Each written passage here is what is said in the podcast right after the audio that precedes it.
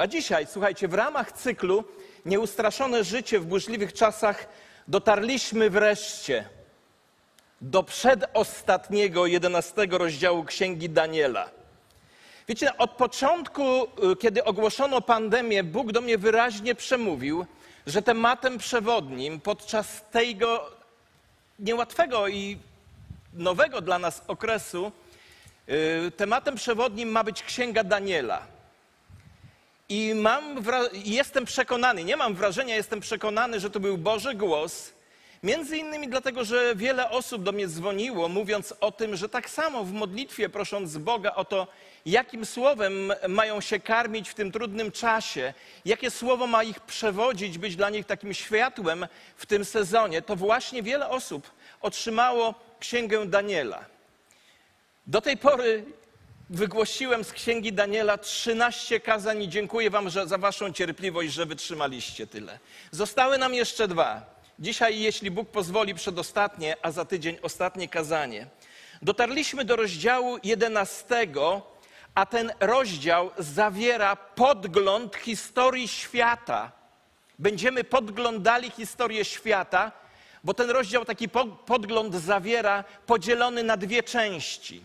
Pierwsza część to 35 pierwszych wierszy tego rozdziału i zawierają one około 100 zapowiedzi, które były proroctwem dla Daniela, ale dla nas są już zamierzchłą historią, ponieważ się wypełniły.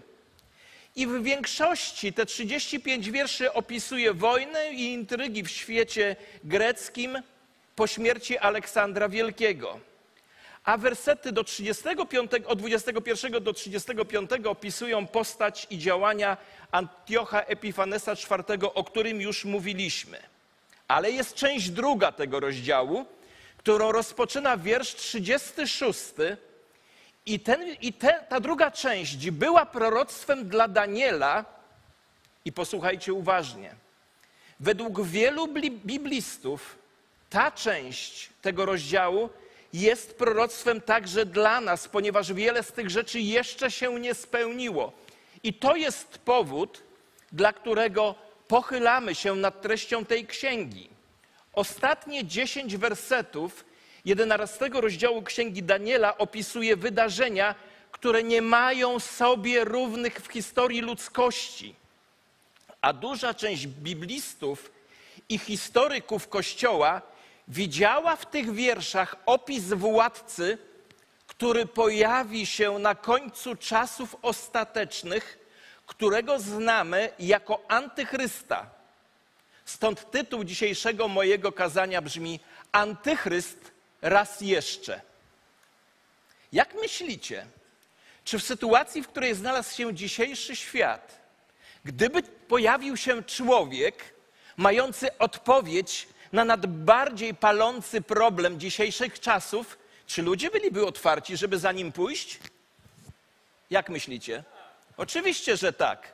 Stąd temat jest szczególnie ważny.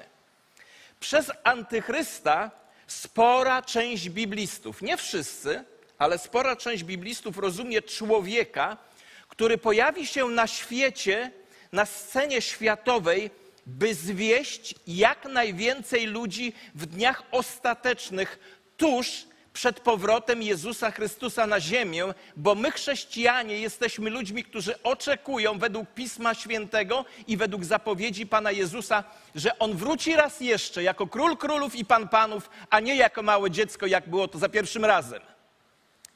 Opisany zarówno w Starym, jak i w Nowym Testamencie, Antychryst będzie wcieleniem zła, sprytnie przebranym za dynamicznego, charyzmatycznego, wizjonerskiego przywódcę, zaskakującego świat swoimi rozwiązaniami problemów ludzkości.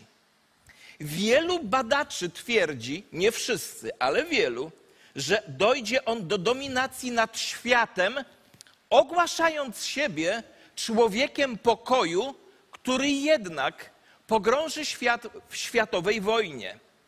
W końcu jego prawdziwe oblicze zostanie odkryte. Będzie przeciwny Jezusowi Chrystusowi, pokazując samego siebie światu jako zbawiciela ludzkości. będzie kontrolował globalną gospodarkę, zmusi swoich wyznawców do, do przyjęcia specjalnego znaku, Biblia mówi na dłoni i na czole. Większość świata chętnie pójdzie za nim, ale ci, którzy nie przyjmą jego znaku, zostaną wytropieni, a wielu zostanie zabitych. Przez krótki czas stanie się najpotężniejszym człowiekiem na ziemi, a na szczycie swojej władzy rozpocznie całkowity atak na Jezusa Chrystusa i wielu biblistów twierdzi, że stanie się to w miejscu zwanym Megido w dolinie Jezreel w środkowej części Izraela. I ta bitwa jest znana jako Armagedon. Pewnie większość z nas słyszała ten termin. A jego panowanie terroru, panowanie terroru antychrysta dobiegnie końca, gdy zostanie zniszczony przez Pana Jezusa, o czym mówią listy Nowego Testamentu, gdy Pan Jezus wróci na ziemię, by objąć swoje królestwo. Historia ludzkości będzie miała przepiękne zakończenie. Władca wszechświata Jezus Chrystus przyjdzie, żeby panować i doprowadzić do prawdziwego pokoju, bo tylko On jest w stanie to uczynić. Tak właśnie duża część biblistów opisuje antychrysta i jego działalność. Biblia mówi, że jego imię to 666. I w całej historii próbowano wyjaśnienia tej liczby. Wszystkie zawiodły. Możemy jednak powiedzieć o tym dwie rzeczy. Rzecz pierwsza.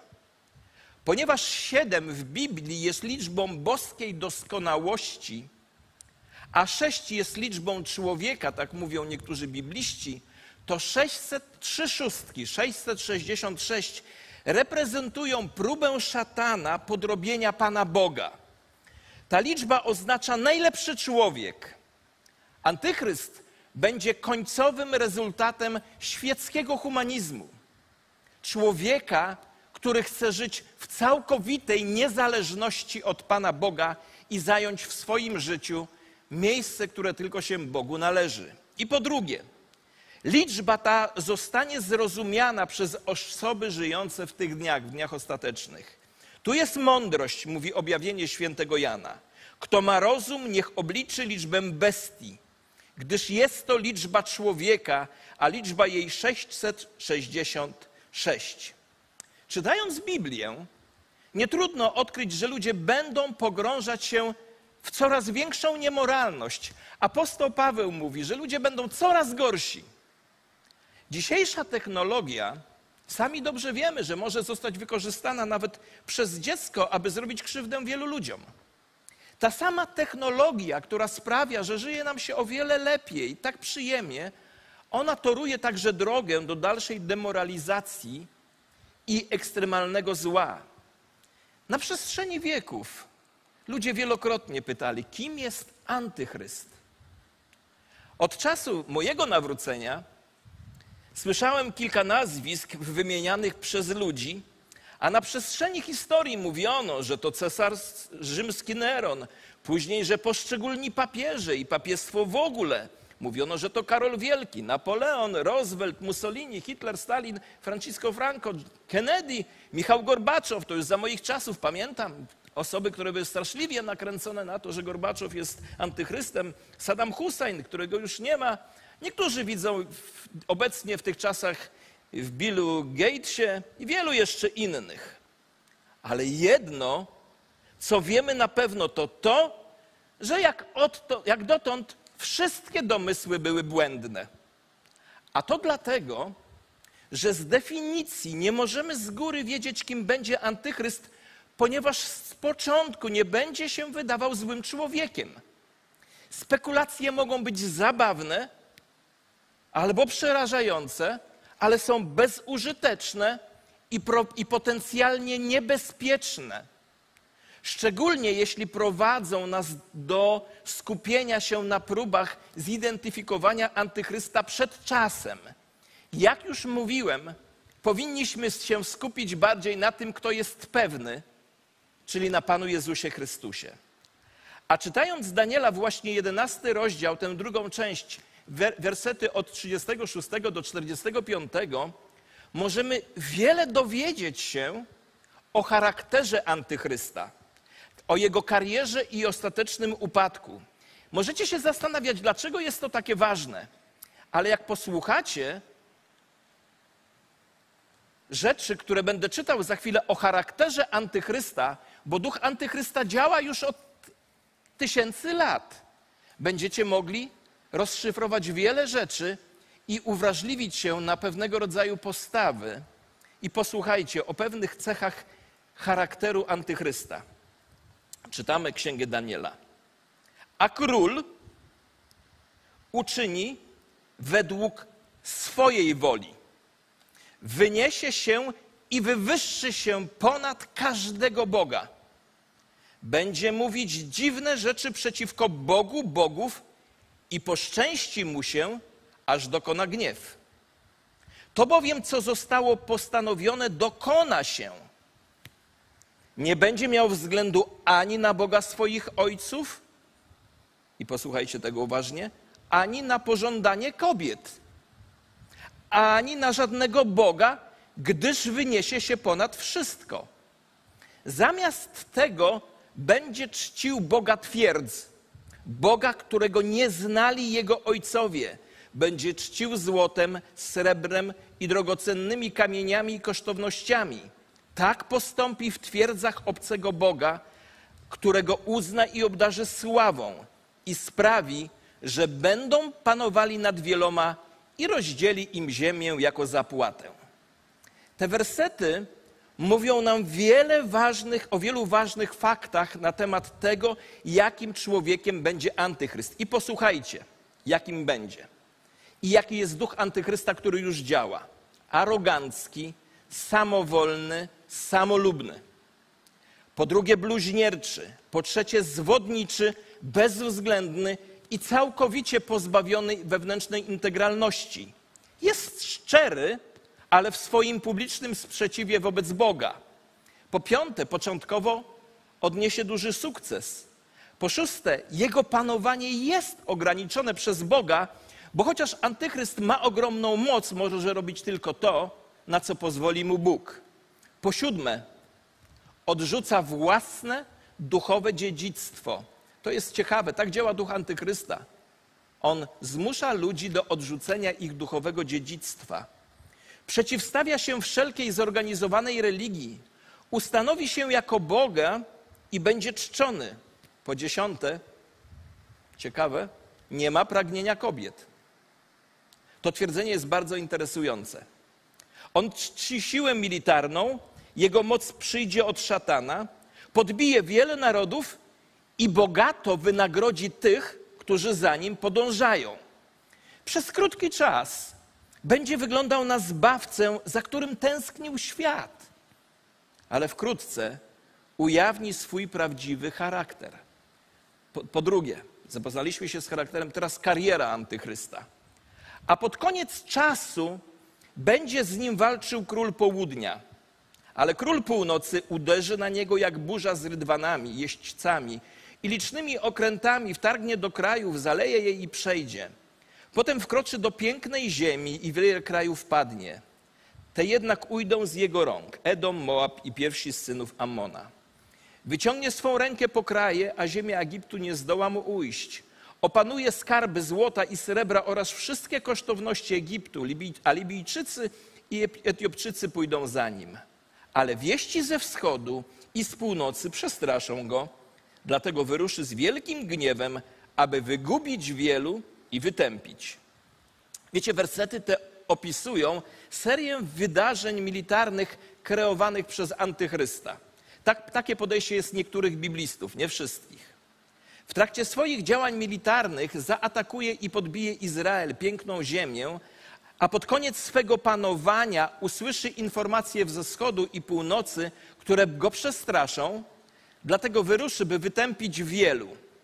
Niektórzy wiążą to z ogromną armią ze wschodu, która jest wymieniona w objawieniu świętego Jana w XVI rozdziale. Wygląda na to, że różne bitwy będą się toczyć na rozległym obszarze lądu i morza, ale główna koncentracja tych działań skupi się na środkowym wschodzie. Armie i z północy i wschodu zmierzą się z antychrystem, powodując rozlew krwi wcześniej nieznanej historii ludzkości. Wiecie, objawienie świętego Jana, 14 rozdział, choć niektórzy mówią, że już jest to wypełnione, ale część biblistów mówi, że nie. Objawienie 14, 14 rozdział opisuje krew płynącą tak wysoko jak uzda konia, do wysokości wędzideł końskich. Gdy na, najpotężniejsze armie na ziemi zbiorą się w ziemi izraelskiej, to tu odbędzie się według niektórych badaczy ostateczny akt w historii ludzkości. Mówiliśmy o charakterze antychrysta, mówiliśmy o tym, co będzie się działo, a teraz trzecia rzecz upadek antychrysta. I rozbije namioty swego pałacu między morzami na pięknej górze świętej, ale jego koniec przyjdzie na niego i nikt mu nie pomoże. Według części biblistów ta ostateczna bitwa odbędzie się na, na równinach Jezreel, w środkowym Izraelu, w pobliżu skrzyżowania Megido, o nazwie Megido. Ja miałem okazję tam być i powiem wam, że ta dolina Megido robi przeogromne wrażenie. Werset 45 nie mówi nam nic o tym, jak antychryst zostanie pokonany. Wygląda tylko na to, i z innych fragmentów Biblii wiemy, że jego koniec będzie nagły i nieoczekiwany, i jest to zgodne z wieloma fragmentami Biblii opisującymi powtórne przyjście Pana Jezusa, chociażby drugi list apostoła Pawła do Tesaloniczan, drugi rozdział, ósmy wiersz, tak mówi o końcu ach, antychrysta. Wówczas pojawi się ów niegodziwiec, którego Pan zabije duchem swoich ust i zniszczy blaskiem swojego przyjścia. Aleluja. A objawienie świętego Jana tak o tym mówi. Potem zobaczyłem niebo otwarte, a oto koń biały, a ten, który na nim siedział, nazywa się wierny i prawdzi- wiernym i prawdziwym. I w sprawiedliwości sądzi i walczy. Jego oczy były jak płomień ognia, a na jego głowie było wiele koron i miał wypisane imię, którego nikt nie zna, tylko on sam. Ubrany był w szatę zmoczoną we krwi, a imię brzmi jego Słowo Boże. A wojska w niebie podążały za nim na białych koniach, ubrane w bisior biały i czysty. A inny fragment objawienia świętego Jana 19 mówi tak. I zobaczyłem bestię i królów ziemi i ich wojska zgromadzone, by stoczyć bitwę z tym, który siedzi na koniu i z jego wojskiem. I schwytana została bestia, a z nią fałszywy prorok, który czynił przed nią cuda, jakimi zwiódł tych, którzy przyjęli znamię bestii i oddawali pokłon jej wizerunkowi. Oboje zostali żywcem rzuceni do jeziora ognia płonącego siarką. Przesłanie z tej historii jest bardzo proste. Nie możesz podjąć walki z Bogiem i zwyciężyć. Słyszysz? Nie możesz. Oczywiście możesz walczyć z Bogiem, jeśli chcesz, ale i tak twoje ramiona są zbyt krótkie, aby wygrać z Bogiem. Jedynym sposobem na zwycięstwo jest być po stronie Boga. Każda inna strona jest po prostu przegrana. I podsumujmy to dzisiejsze nauczanie trzema końcowymi pytaniami. Posłuchajcie, pytanie pierwsze. Czy antychryst żyje dzisiaj? Duch antychrysta jest przez cały okres czasów ostatecznych. Ale czy żyje dzisiaj w postaci spe- sp- y, spersonalizowanej? Nie wiem. A wszelkie spekulacje według mnie na ten temat są bezużyteczne. Dopóki się nie ujawni, moim zdaniem nikt nie będzie miał pojęcia o tym, kim on jest. Drugie pytanie.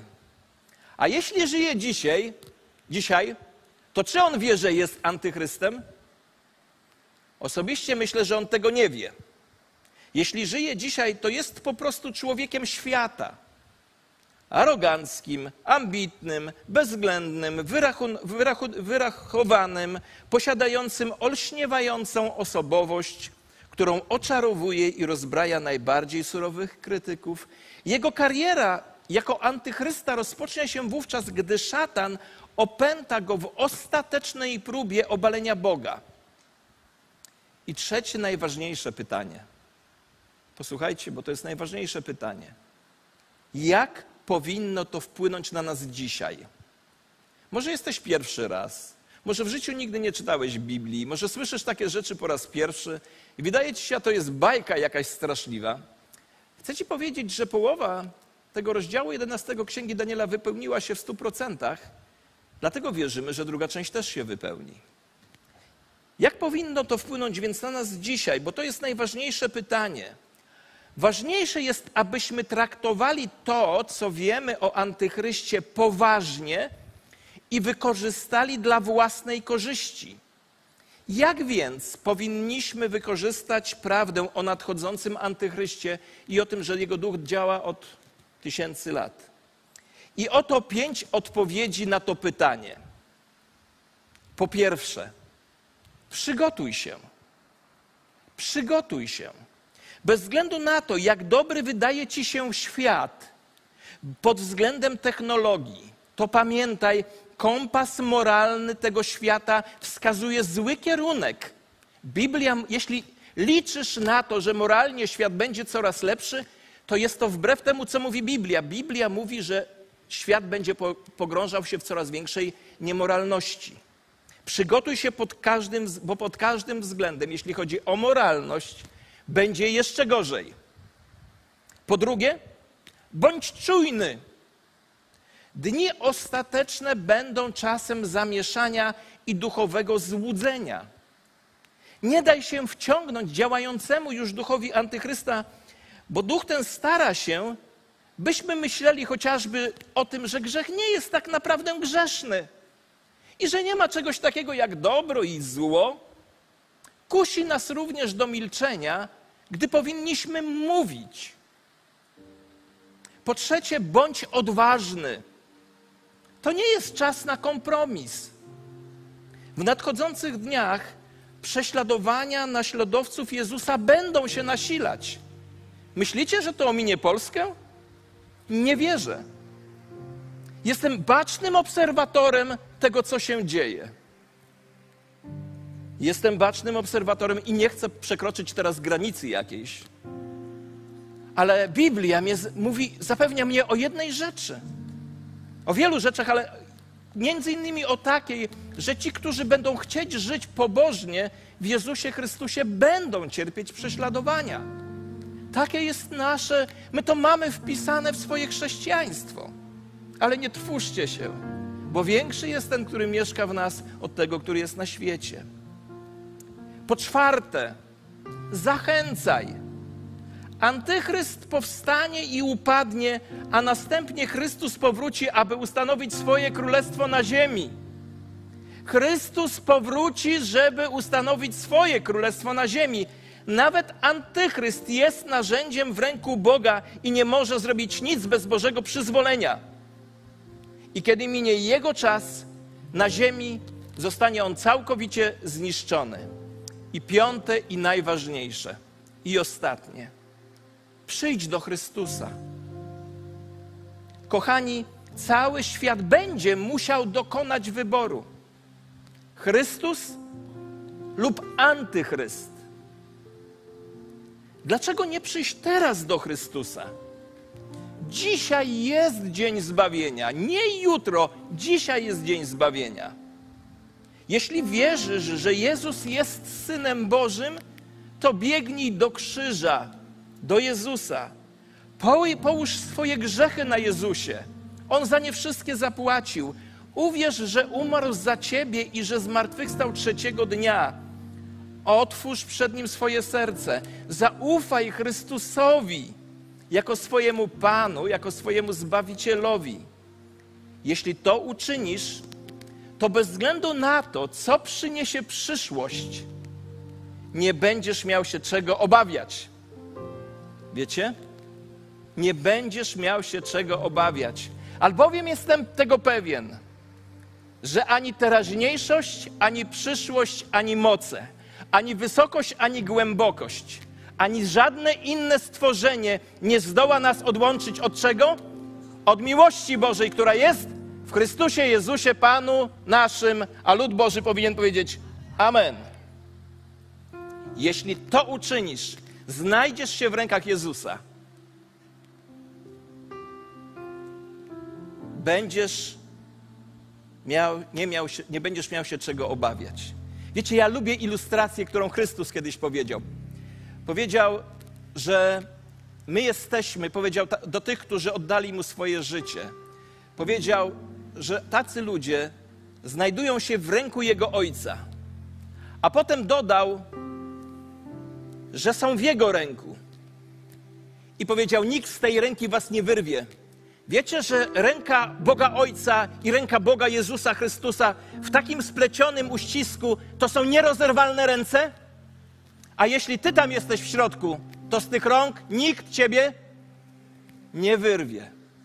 To jest obietnica dla tych, którzy zaufali Jezusowi. Ci, którzy przychodzą do Jezusa, otrzymują życie wieczne, odkrywają, że Jezus zupełnie wystarczy.